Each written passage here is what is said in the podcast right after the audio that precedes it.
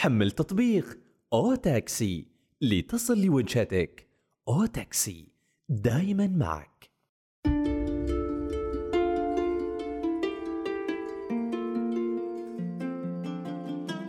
السلام عليكم ورحمة الله وبركاته. أهلا بكم في الحلقة العاشرة من بودكاست السكة.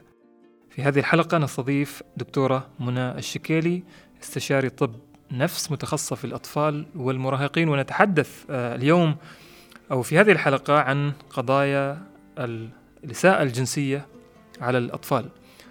ودكتور هذه القضية آه، اجتماعية وقضية أيضا آه، مهمة تطرح اليوم وتطرح أيضا في الكثير من المؤتمرات وتطرح حتى في البيوت مع الأسر.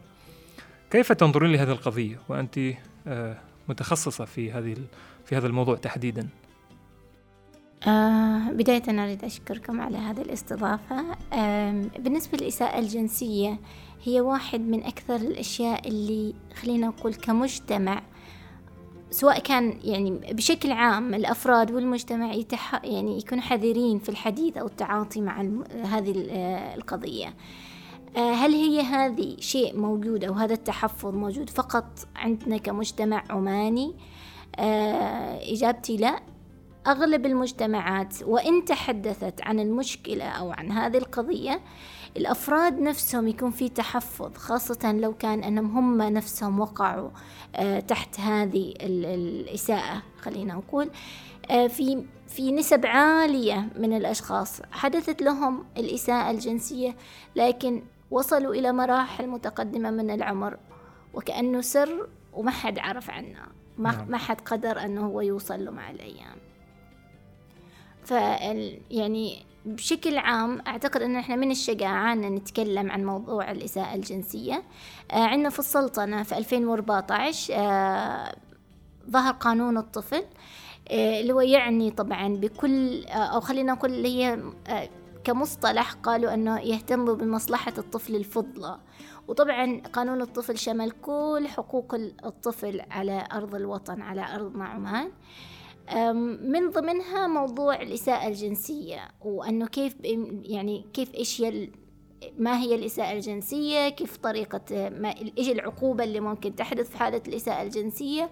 وطبعا فرد لها يعني فرد لها نصوص وبنود كثيرة أنا ما قانونية ولكن بشكل عام أولت السلطنة اهتمام للطفل وأولت لهذا الجانب يعني أعتقد اهتمام خاص.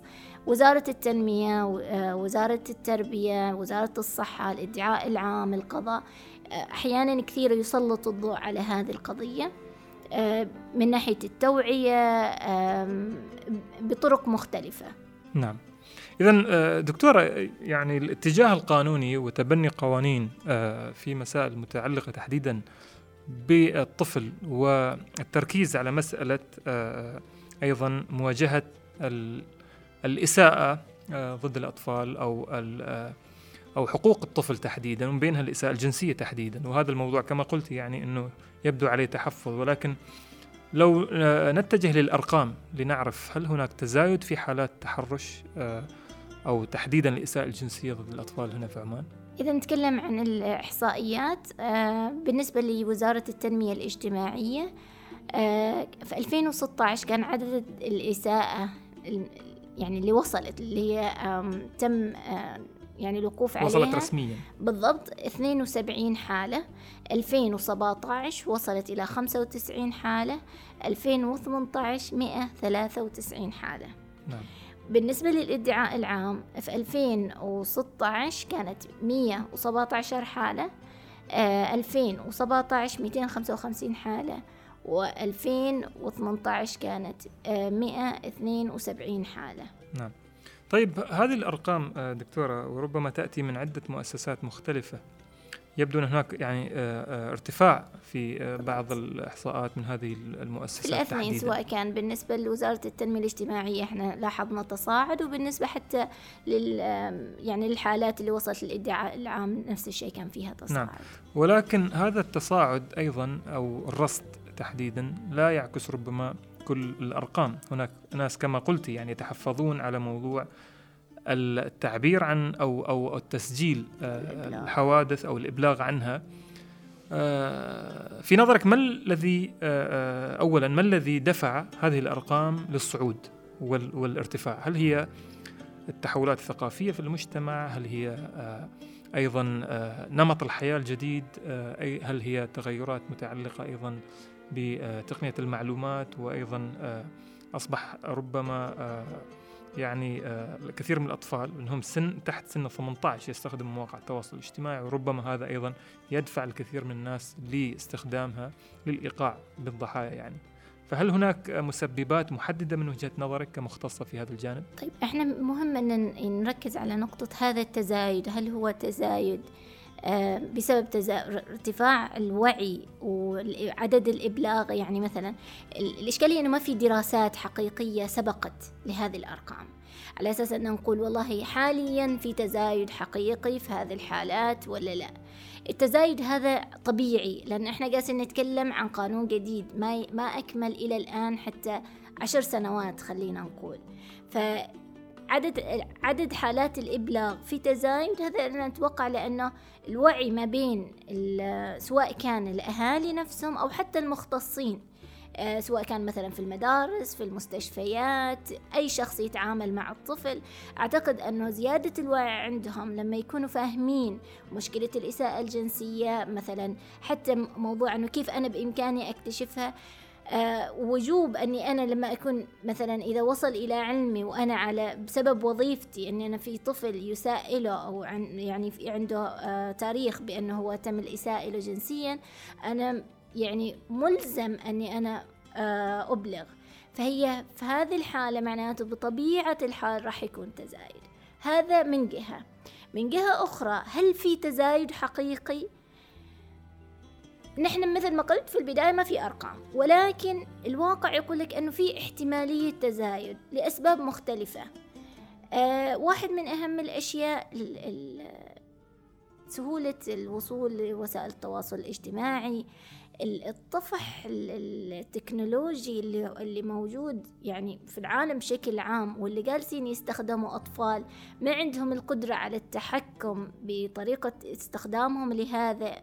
يعني التكنولوجيا أحيانا كثيرة توقعهم في المشكلة. هذا من ناحية. من ناحية ثانية لأنه هو عالم مفتوح فأحيانا كثيرة يمر عليهم أشياء تكون مثلا جنسية تخليهم أنهم آه أوكي وش هذا؟ وش معناه؟ هل أنا عندي فرصة أروح أتعرف عليه؟ هل أنا عندي فرصة أني أنا أفهمه؟ هل أنا عندي فرصة أني أقربه؟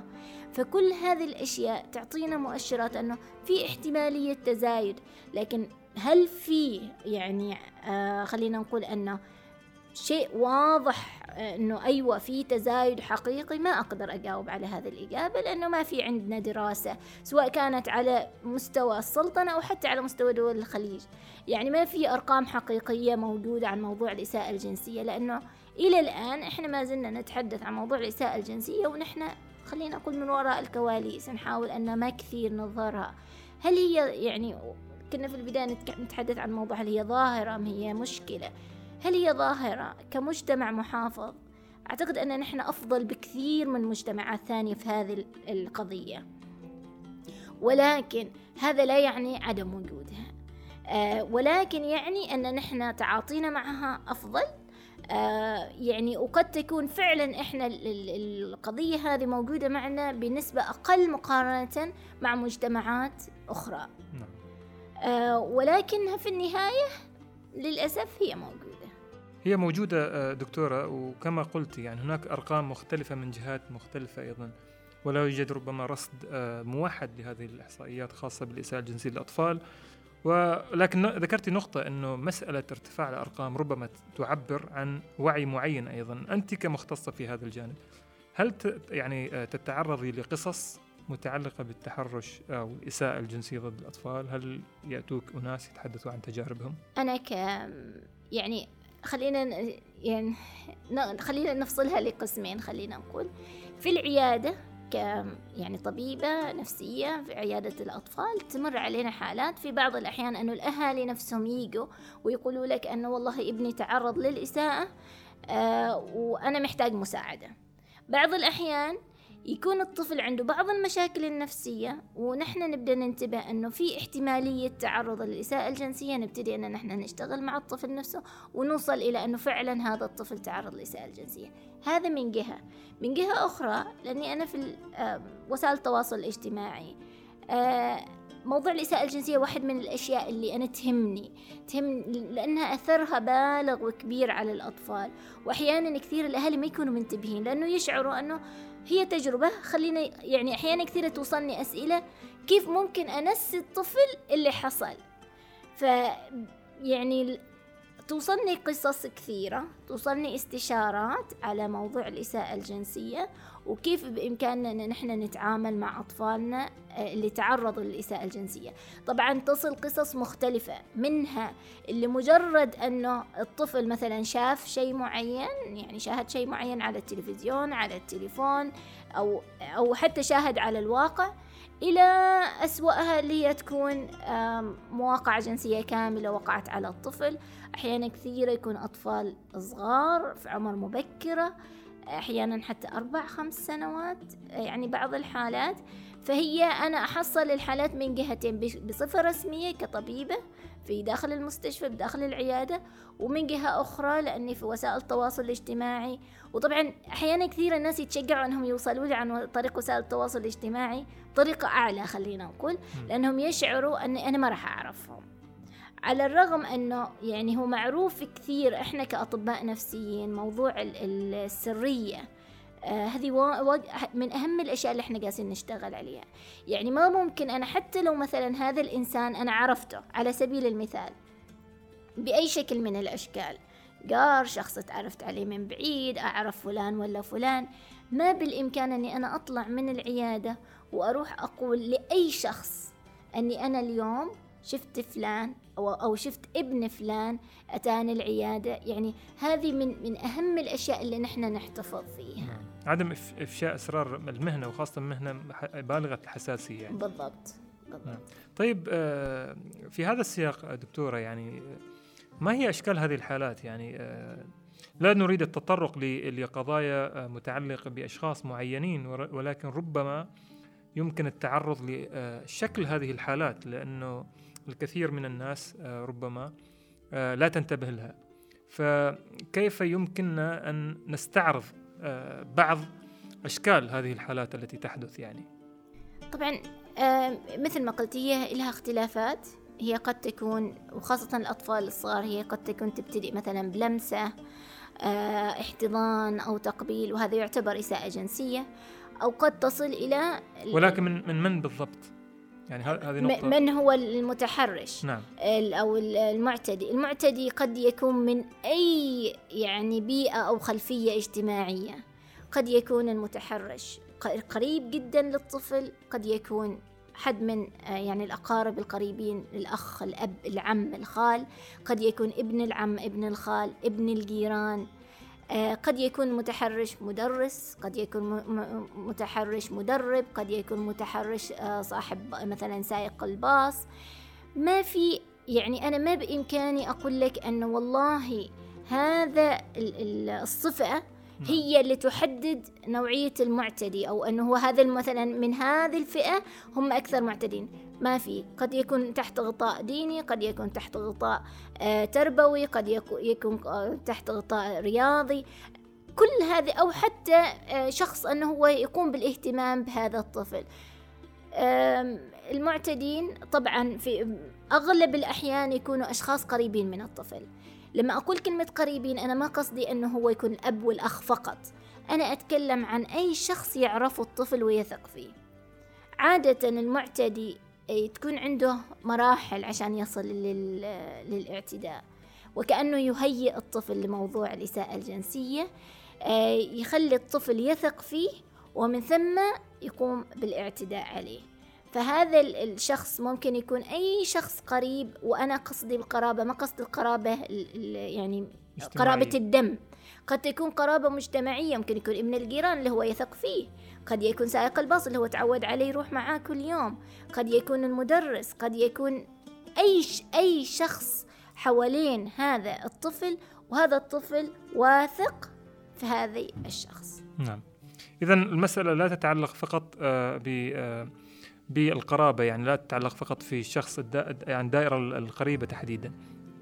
طيب دكتورة في هذه المسألة يعني خلال تعرضك لحالات محددة ولنبدأ من البيت تحديدا لأنه البيت هو المكان الأول. ونحن عادة يعني نظرا للخلفية الاجتماعية ونظرا لخصوصية العلاقات الاجتماعية عموما. ربما آه، ربما يعني من الصعوبة للطفل أن يعبر عن آه، عن تعرضه لنوع من من حالات الاعتداء من الأب مثلا أو من الأخ أو على سبيل المثال أو من الخال أو العم يعني عموما أي أي شخص قريب منه هل تعرضت لقصص من هذا النوع؟ وكيف تجدين تعامل الأسرة في هذا الموضوع تحديدا نظرا لحساسيتها يعني طبعا مثل ما قلنا إحنا ال ال القرابة قد تكون قرابة اجتماعية أو قرابة آه، يعني بالدم اللي هو العم الخال وغيره. كل ما كان الشخص أبعد كل ما كان أسهل بالنسبة للأسرة. وبالنسبة للطفل نفسه التأثيرات النفسية اللي راح تحدث. يعني لما يكون شخص قريب منه أنا ما أريد أقول فقط الأب يعني وحتى مثلا العم حتى ابن العم ابن الخال الأشخاص القريبين. هذه بالنسبة للطفل عبارة عن شخص ثقة أنا أقدر أتعامل معه. لم وكأنه لما يعتدى عليه وكأنه حد خان الثقة اللي هو أعطاه إياه الأسرة تقع في يعني خلينا نقول في في مشكلة ما, ما عارفين. الحين هل أنا أحاول أني أنا أحافظ على هذا الطفل؟ آه، أبلغ؟ ولا أحاول أني أنا أحافظ على على العلاقة الاجتماعية وكيان الأسرة وهذا ابن أخت آه، زوجي ولا هذا ابن أخت آه، زوجتي ولا هذا يعني هل أن لأنه بطبيعة الحال إذا صعد شيء مشابه حتى لو كنا من أفضل يعني أكثر ناس متفهمين في الدنيا بعدنا راح نوصل إلى مرحلة أنه يكون في حساسية من الموضوع نفسه. لكن هنا إحنا يعني مسؤوليتنا كوالدين في النهاية أنه مصلحة إحنا كل في البداية وش قلنا قانون الطفل؟ مصلحة الطفل الفضلى هل مصلحة الطفل الفضلى أني أنا أخبي على الموضوع وأسكت عنه وكأن شيئا لم يكن؟ أم أني أنا أوقف هذا الاعتداء وقد ممكن أوصل إلى مرحلة الدعوة يعني أن أنا أشتكي على هذا الشخص الآخر نعم. فهي يعني الله المستعان واحد من أصعب المواقف اللي قد تحدث بالنسبة يعني هي الاعتداء الجنسي بحد ذاته شيء مؤلم شيء مؤلم للطفل وللأسرة فما بالك لما يكون المعتدي من نفس الأسرة نعم. هنا تكون يعني صعوبة بالغة هل هل استمعت لقصص مثلا إنه الأسرة اتخذت موقف واتجهت للقضاء لمعاقبة المعتدي حتى وإن كان شخص قريب جدا؟ في قصص كثيرة حتى وإن كان من أقرب الأشخاص بالنسبة للطفل وصلت للقضاء. نعم. كيف كيف تقيمين أنت هذه التجربة أيضا؟ يعني الاستماع لهذه القصص بشكل مباشر كونك مختصة فيها كيف تقيمين؟ وهي وأيضا هل تدعمين وتؤيدين هذه المسألة؟ حفاظا على حقوق الطفل. بالضبط. يعني إحنا إحنا هنا لازم شوية إن كل حالة بحالتها. ما بإمكاني أن أنا أطلق شيء عام أقول مثلا لازم هذا الطفل. هي بطبيعة الحال المفروض أنه يبلغ. البلاغ هذا رح يفيدنا في شيئين. أن أنا أعرف إلى أي مدى هذه المشكلة موجودة عندي كمجتمع. والشيء الثاني أنه الطفل يشعر أن في حد جالس يسندني في حد جالس يدافع عني. طيب لما يحدث الموضوع داخل الأسرة آه واحد من أهم الأشياء أنه اللي, اللي تقع في الأسرة طيب إذا هو هذا داخل البيت هل راح يستمر الاعتداء؟ إذا أنا ما أبلغت إذا أنا ما اشتكيت هل راح يتوقف؟ يعني خاصة أنت قصد تتكلم عن نفس البيت هل بيتوقف الطرف الآخر من أنه هو يعتدي على هذا الطفل؟ فأنا هنا الحسبة ما تكون كثير واضحة. كل حالة يعني كل حالة محتاجة إن إحنا ندرسها. طبعا موضوع الإبلاغ هذا من أهم الأشياء واللي إحنا دائما أنا كطبيبة آه، أنا مجبرة أني أبلغ على كل حالة تصلني في العيادة. بحكم عملي أنا مجبرة أني أنا أبلغ. ولكن وزارة التنمية خط الطفل هم اللي عندهم الصلاحية أنهم يعني يدرسوا الحالة ويشوفوا إيش الم... إيش الأفضل بالنسبة لهذه الأسرة. بس أنا كمختصة أنا ما عندي هذه القدرة. نعم. طيب أنا وش نصيحتي؟ طبعا نصيحة الإبلاغ. أنا أشجع على الإبلاغ لأسباب مختلفة. يعني هو الأسباب تعود للطفل نفسه وأسباب تعود للأسرة. يعني أنا لما يستمر الإنسان موجود داخل البيت وهو معتدي على هذا الطفل قد يعتدي على أطفال آخرين. إذا ما كان في رادع حقيقي بالنسبة له هذا الطفل الآثار النفسية خاصة لما يكون من شخص قريب منه الآثار النفسية بسبب الاعتداء تكون هائلة تكون كبيرة. يعني قد يكون منها قلق اكتئاب أحيانا حتى الأطفال نفسهم يكون يبتدوا يفكروا في مثلا في الانتحار لما يكون على سن أعلى. طبعا هي كل مرحلة عمرية الآثار النفسية تكون شوية مختلفة من من المرحلة العمرية الأخرى.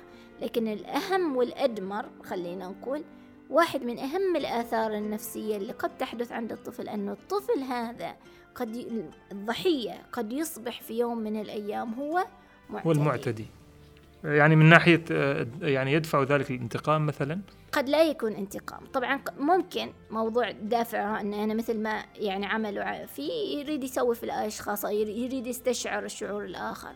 بعض الأحيان يدخلوا يعني هي إحنا لما نتكلم عن أعمار مختلفة خلينا نقول الأعمار الصغيرة اللي هي عمرهم ست سبع ثمان سنوات بعده إلى الآن ما صار عنده الفهم أو الوعي الكافي لموضوع العملية الجنسية وأشياء كثيرة.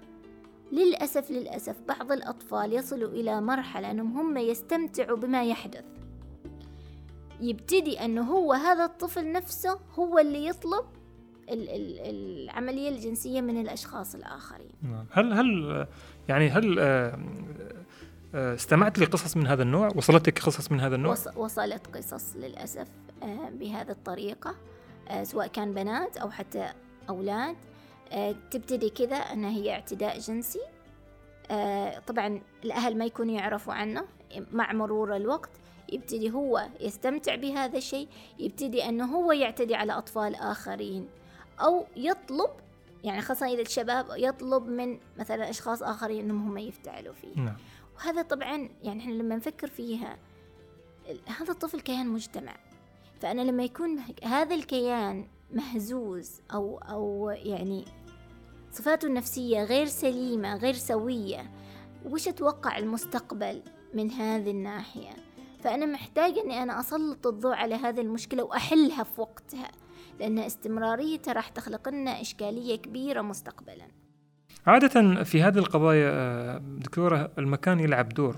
لو تحدثنا إنه الشخص ربما يكون ليس الشخص المقرب جدا في البيت ربما يكون في المدرسة وربما يكون في آه، صالة رياضية مثلا أو في في حصة معينة يعني مع شخص آه، يعني يدرس هذا الطفل أو يلتقي به بشكل أو بآخر. هل المكان يلعب دور في تعرض الطفل لهكذا قضايا؟ نرجع ونقول أنه قد يحدث في أي مكان. يعني بعض الأهالي يعتقدوا أن أنا في بيتي آمن خلاص مية بالمية ما راح يحدث شيء مشابه. لكن الواقع يقول لك لا أنه حتى داخل البيت يحدث. في المدرسة يحدث في المسجد يحدث في النادي الرياضي يحدث. فهي في أي في الباص يعني أنا ما راح أحددها في هذه الأماكن اللي ذكرتها لكن أنا اللي أريد أقوله أنه قد تحدث الإساءة الجنسية في أي مكان يتواجد فيه المعتدي مع مع الضحية. نعم. طيب آه، في في هذا السياق يعني أيضا ما هي الصفات يمكن أن نقول أو ما هي الخلفيات آه التي يمكن أن يختبئ خلفها المعتدي؟ لأنه كما تعلمين يعني المجتمع أيضا عنده آه ربما عنده تصنيف للشخص اللي ممكن يثق فيه يعني ربما الشخص الذي يأتي من خلفية عمل معينة ربما يكون موثوق ربما الشخص الملتحي الذي يتصف بأنه رجل صالح ومتدين ربما أيضا يكون آه، ذا ثقة عالية. فهذه الجوانب آه، ربما الأب كونه هو الأب ويعتبر الشخص الأكثر موثوقية للطفل أو أحد أسر آه، يعني الأقارب القريبين منه. هذه الجوانب تخضع أيضا لتعرض للطفل. يعني القصد بأنه كيف يمكن أيضا تصنيف ذلك؟ بمعنى هل الموثوقية بالشخص ربما لا تكون صحيح مئة بالمئة طبعا من واقع الحال يعني أنا ما راح أتكلم عن الحالات اللي جتنا على الأقل في العيادة لكن في في قصص كثيرة إحنا عرفناها ونشرت سواء كان في في حسابات الشرطة شرطة أعمال سلطانية أو الإدعاء العام وغيره. أنه الخلفية الاجتماعية ما فرقت. قد يكون المعتدي إمام مسجد قد يكون المعتدي أب قد يكون المعتدي خال قد يكون معتدي مدرس قد يكون معتدي مدرب. فهي من أي خلفية ممكن يحدث الاعتداء.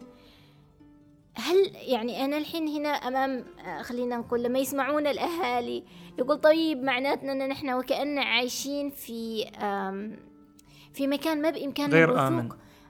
ما بإمكاننا الوثوق بأي شخص حوالينا. نعم. هل هو هذا الواقع؟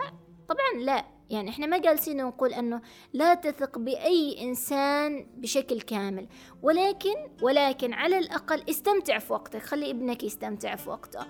آه لكن يهمني أني أنا مع هذه الثقة يكون في بعض الحرص. أني أنا ما أعطي الثقة اللي هي مئة بالمئة لأي شخص أيا كان. أنا محتاج أني أنا أهتم محتاج أني أنا ألاحظ محتاج أني أنا يكون في يعني وسيلة تواصل حقيقية بيني وبين طفلي بحيث أنه أوعيه من سن مبكرة أقدر أني أنا أتواصل معه أو يقدر أنه هو يلجأ لي في لا, في لا سمح الله لو صار شيء مشابه. لأنه بعض الأحيان إيش اللي يحصل؟ آه يعني أنه الأم مثلا لما يجي يقولها ابنها فلان اللي هو تثق فيه لمسني وقد تكون لمسة غير بريئة لكن الطفل مرتاح لها إلى الآن هو ما اعتدى عليه. بس هي كبداية. الأم لأنها واثقة في هذا الإنسان لأنها تشعر أنه هو إنسان ثقة عنده أولاد أو كبير في السن أو قريب منها أو أسباب مختلفة يعني اللي خلتها أن هي تثق فيه. تحس لا أنت وانتوا كنتوا جالسين تلعبوا؟ أنتوا كنتوا جالسين تسووا الشيء الفلاني أيوه. بس أنا ما استشعرت إني أنا مرتاح مثلا من اللمسة اللي هو لمسني إياها. تقول لا لا لا يعني أخذ الشيطان وروح. هنا هنا اللي أنا أريد أميزه. لما يجيلك ابنك بهذه الطريقة افتح عيونك شوي. حاول إنك تنتبه للي جالس يقوله الطفل. أيوه أنا أثق بالأشخاص اللي حواليني. مهما كان أنا كدكتورة منى في النهاية عندي أخ عندي أب عندي خال عندي خ... آه عم ما أقدر أقول أني أنا ما أثق في فلان وفلان وفلان وفلان وفلان وما ممكن أني أترك أطفالي معاهم. ولكن في المقابل هل معناه أنه هذه الثقة مئة بالمئة؟ يعني حتى لو جاء ابني وقال لي شيء مشابه أني أنا ما بفتح عيوني في هذيك اللحظة؟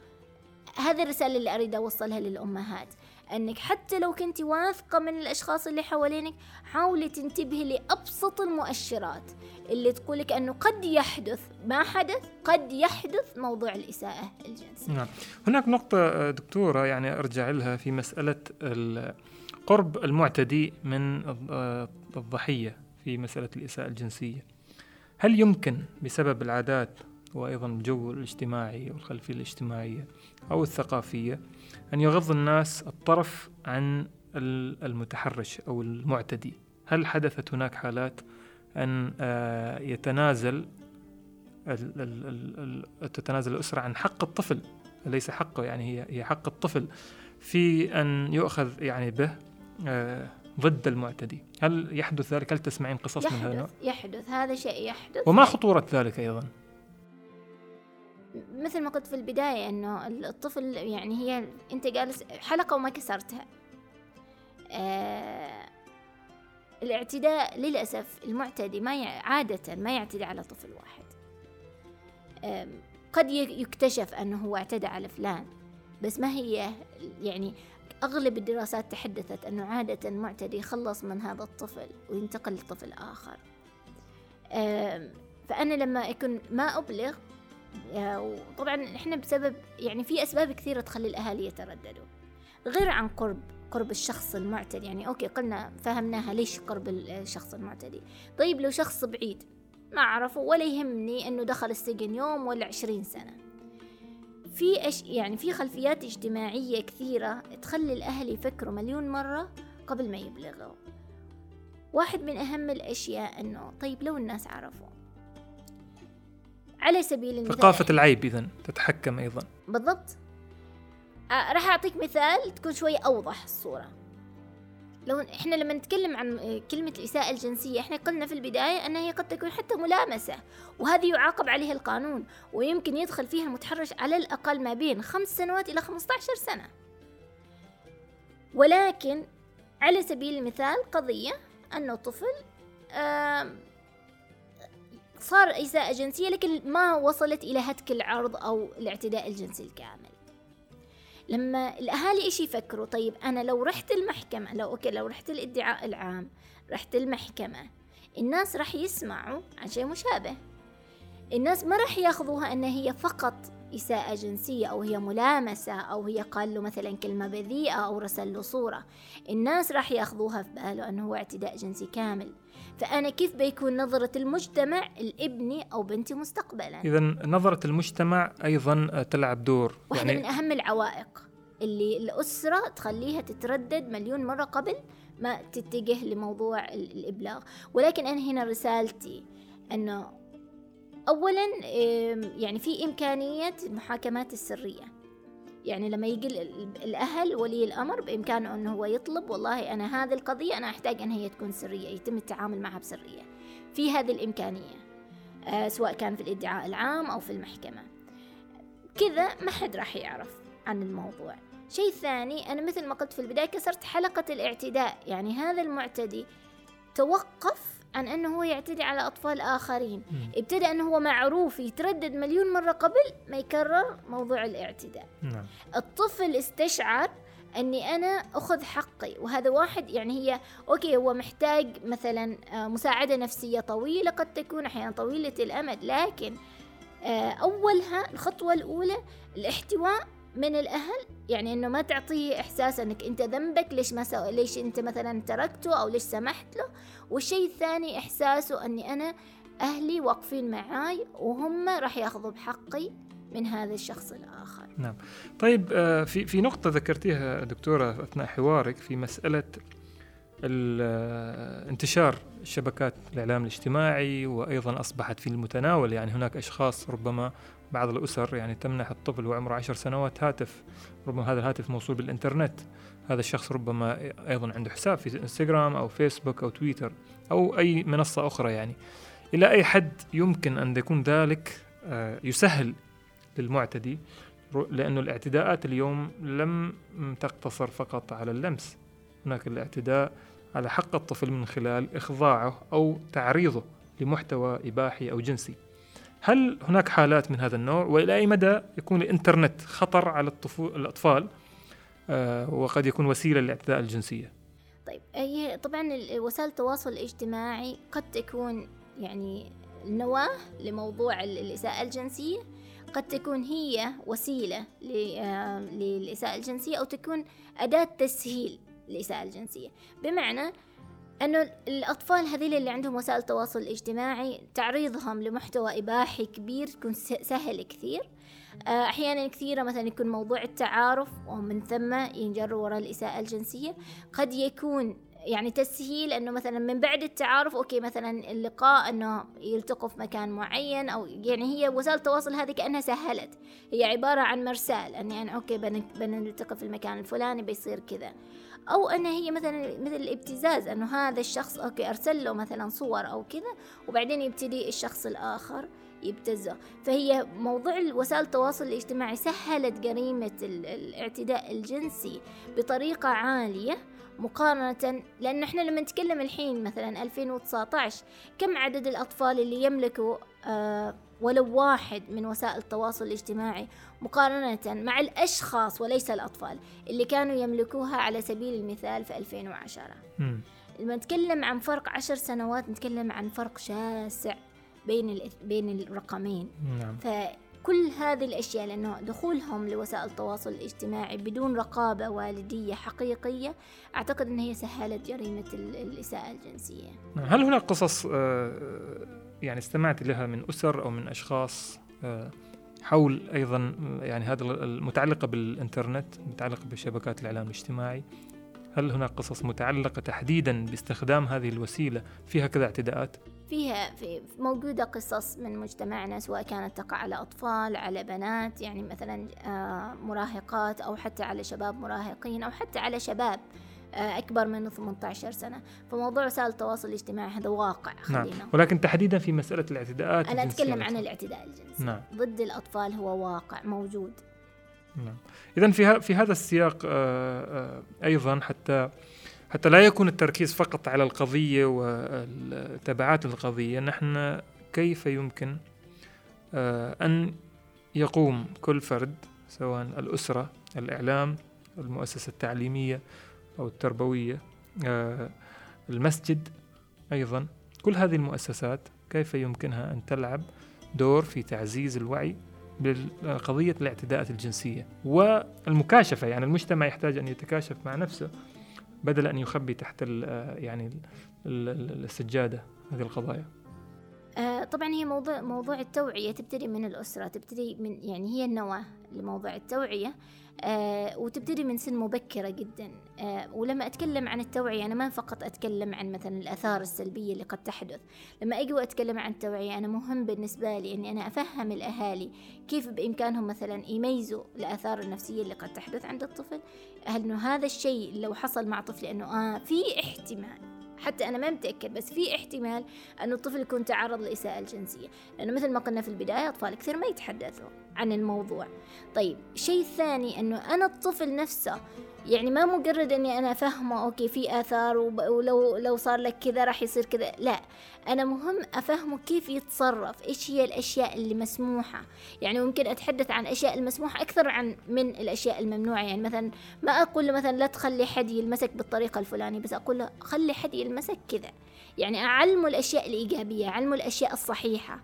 يعني مثلا هو طفل صغير عمر سنتين أبتدي أني أعلمه أنه لازم يستر نفسه أنه يكون في غرفة لما يبدل ملابسه أنه ما يسمح للشخص أنه هو يكون معاه لما يروح المدرسة.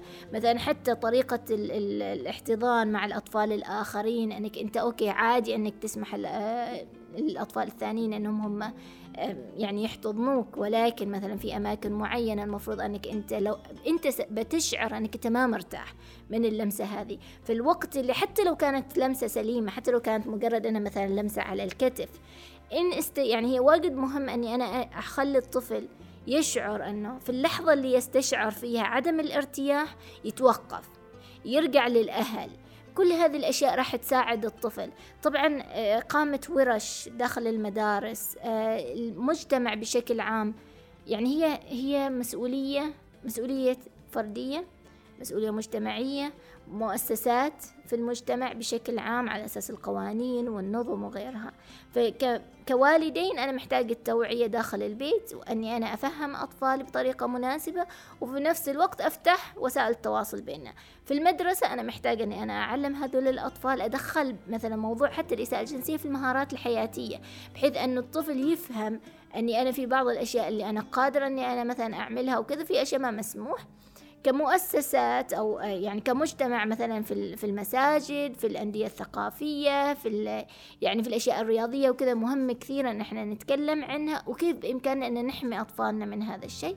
كمؤسسات أنا أعتقد إن هي كل مؤسسة طبعا مثلا في التربية في الصحة يعني المؤسسات غالبا تنقسم إلى قسمين. تكون في بعضها تكون أكثر من ناحية التوعية والوقاية وفي بعض المؤسسات هي أكثر شيء دورها آه، علاجية. يعني خلاص أصب حدثت المشكلة وهم كيف إيش الأشياء اللي المفروض أنهم هم يتصرفوا فيها. نعم. هل آه، ممكن أن تساعد يعني التوعية آه، من وجهة نظرك؟ يعني تساعد في تقليل هذه هذه القضية هل تعتقد أنه ممكن تدفع الناس للإبلاغ والتوجه للمؤسسات المعنية من جانب نفسي التعامل مع الطفل بالنفس أو من جانب التعامل مع القضية أيضا المعتدي؟ هل تتوقع أنه ممكن أن تساعد أما لا تزال هناك موضوع ثقافة العيب وثقافة الناس ستقول يعني؟ ما زال موجود ثقافة العيب وثقافة أنه إيش الناس راح يقولوا عني لكن في المقابل آه، أنا أعتقد أنه هذه التوعية لها أثر إيجابي كبير. آه، الناس ما كانوا مدركين سابقا موضوع الأثر النفسي اللي قد يحدث بسبب الاعتداء. آه، أحيانا كثيرة يستشعروا أنه خلاص طفلي زين جالس يلعب الحمد لله أموره تمام خلاص منتهي. الطفل اللي يتعرض للإساءة الجنسية هو ما محتاج فقط مساعدة نفسية إذا أنا لاحظت عليه التغييرات لا أنا محتاج أول شيء يتم تقييم تقييم نفسي لهذا الطفل. هل فعلا في تأثيرات نفسية غير واضحة أم لا؟ بعدين لما يكون في تأثيرات هنا أنا محتاج مساعدة نفسية حقيقية وقد تكون مساعدة ما فقط للطفل أحيانا كثيرة حتى الأهل يكونوا محتاجين لهذه المساعدة. لأنه يعني أحيانا بعض الأهل تكون بالنسبة لهم هذه مصيبة. وطبيعة الحال ما في أب أو أم يتقبلوا أنه يكون معتدى على ابنهم. فحتى الأب أحيانا الأم نفسها يدخلوا في انهيارات يعني نفسية كبيرة محتاجين مساعدة حقيقية في هذه المرحلة. نعم. هنا في الق... هذه القضية آه، دكتورة يعني أعود إلى مسألة اللي هي إلقاء اللوم على الضحية. بالضبط. وهذه نقطة متداولة في مجتمعاتنا العربية عموما. هل آه، يتعرض الطفل وأنا أتحدث هنا عن حالات محددة يعني هل تعرض الطفل لهكذا نوع اللوم على ما حدث؟ للأسف وتعرض ربما لإساءة أخرى أو أو أو عنف آخر؟ للأسف أغلب الح... يعني ما ما أقدر أقول كلمة أغلب ولكن في حالات كثيرة أنه آه، أول ما يبلغ الطفل أو يعرف الأهل عن موضوع الإساءة الجنسية بالذات آه، يتم لوم الطفل أنك أنت ليش ما دافعت عن نفسك؟ ليش سمحت بشيء مشابه؟ آه، أنت المفروض تكون رجال المفروض تدافع عن نفسك كل هذه الأشياء. تحدث يعني للأسف يحدث. للأسف. فهي وكأنه يحدث من الجهتين يحدث الاعتداء الجنسي ويحدث من ناحية الأهل. لأنه لكن ما خطورة نفسهم ذلك أيضا. الأهل نفسهم يكونوا تحت تأثير صدمة. نعم. فتكون ردة فعلهم عنيفة على الطفل. تأثيرها واحد من أهم الأشياء اللي درست في دراسات كثيرة أنه ردة فعل الأهل لما يعرفوا عن شيء مشابه هي اللي راح تعطينا إيش النتائج في التأثيرات المستقبل. النفسية على هذا الطفل؟ نعم هو ربما كل- يكون فيصل يعني. بالضبط. كل ما كان احتواء لهذا الطفل كل ما كان تأثيرات النفسية أقل بكثير من لو أني أنا ألقيت عليه اللوم وغيره. نعم. طيب في هذا السياق آه، في الجزء الأخير من هذا الحوار دكتورة آه، ما هي الآثار النفسية؟ ما هي آه، الحالات التي مرت عليك؟ هناك أطفال كانوا قبل عشر سنوات فعلا أطفال اليوم هم في سن مراهقة أو هم أيضا يعني شباب يافعين. ما هي الآثار النفسية التي مرت عليهم؟ ما هي الآثار النفسية التي بقت مع شخصيات أو أشخاص تعرضوا للاعتداء الجنسي أثناء فترة الطفولة؟ الاعتداء الجنسي لو حدث هو يعتمد حدث متى؟ عادة إذا كان أقل من ست سنوات الطفل ما يظهر ال- الآثار النفسية اللي الأهل يكونوا منتبهين لها كثير. ولكن يظهر بعض السلوكيات. أهمها أنه هو يبتدي مثلا آه، على سبيل المثال أنه يتبول بالليل رغم أنه كان توقف. آه، يبتدي أنه هو يتعلق في أمه والأم تشعر أنه آه بدأ يحبني أكثر أو يتعلق فيني أكثر.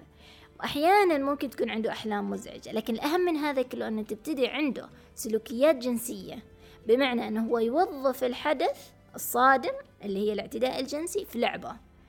بمعنى يروح يلعب ألعاب جنسية ما متعود هو عليها. آه يطلب من الآخرين أنهم هم يلعبوا معاه. بطريقة جنسية كبيرة يعني ما ما ما- ما تتناسب أي حال من الأحوال مع عمره. الأطفال اللي أكبر من كذا لأنه قدرتهم على الفهم تكون أعلى. هنا يبتدي عندهم يظهر مظاهر القلق الاكتئاب أحيانا العنف. يعني قد يحدث أنه بعض الأشخاص بسبب الاعتداء الجنسي رغم أنه كان إنسان مسالم جدا يبتدي يصبح إنسان عنيف مختلف تماما عن شخصيته الحقيقية. فهو وممكن بعض الأطفال يصلوا إلى آه، مرحلة أو أنا لما أقول كلمة طفل أنا أتكلم حتى عن المراهقين. بعض بعضهم يبتدي أنه هو إيذاء النفس يعني يفكر في أفكار انتحارية يبتدي أنه هو مثلا يجرح نفسه أو يشرب أدوية أو غيره أو غيره. أو أنه هو يبتدي أنه ممكن يأذي الأشخاص الآخرين يعني يبتدي أنه يفكر أنه ممكن يقتل شخص أو حتى أنه هو مثلا يكون عنيف آه، مع الأشخاص الآخرين. كل هذا والأهم وإحنا ذكرنا سابقا أنه قد يكون في يوم من الأيام معتدي. إذا ما هي الرسالة الأخيرة دكتورة في هذا الحوار آه، الذي يمكن أن توجهيه لل آه، للمجتمع كونك مختصة في هذه الموضوعات للأسرة لوسائل الإعلام لل يعني كل المؤسسات اللي يمكن أن تلعب دور في فعلا في المكاشفة والمصارحة. يعني كما ذكرت أنه لا يمكن ت- نخبئ قضايانا وموضوعاتنا تحت السجادة يعني إلى الأبد.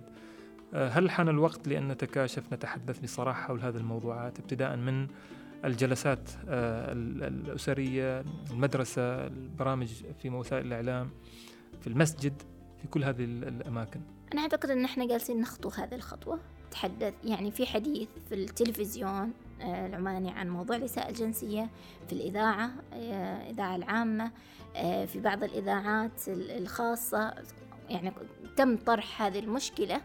آه، إعلاميا أعتقد أن إحنا بدأنا نتحدث على يعني عن الموضوع بطريقة واضحة. آه، منتديات ملتقيات عملت مؤتمر عمل عن على موضوع الإساءة الجنسية والإساءة بشكل عام ضد الأطفال. ورش كثير تتعمل في مدار على مختلف محافظات السلطنة في المدارس آه على أساس أنه مثل جسدي أمانة آه أنا أعمل مثلا ورشة اسمها ورشة الخطوات الثلاث. كل هذه تتعمل في المدارس. نبقى يعني مساجد يتحدثوا عن هذا الموضوع. نبقى في الأسرة نوصل لموضوع الأسرة. الأسرة رسالتي إلها أنه شيئين التوعية والاحتواء ما بعد الحدث. يعني أنا مهمة أني أنا أوعي طفلي أنه انتبه من الشيء الفلاني خلينا نكون حريصين بدون ما أضغط زر الفضول بالنسبة لهذول الأطفال. في المقابل أحاول أني أنا لا سمح الله لو وصلت إلى مرحلة أنه ابني أو بنتي حدث معه شيء مشابه أني أحاول أحتويه وأحتوي مشاعري ومن ثم أتصرف. وأعتقد أنه في جهات كثيرة بالإمكان أنها تساعد. واحد واحد صفر صفر رقم آه، خط حماية الطفل.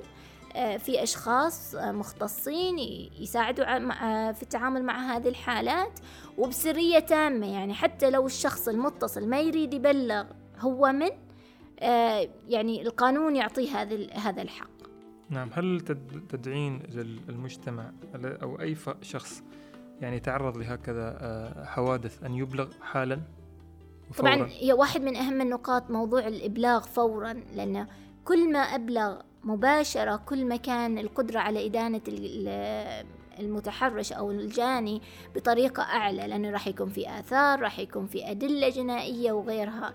فموضوع التراخي في الإبلاغ هذا واحد من أهم الأسباب اللي تضيع القضية. نعم.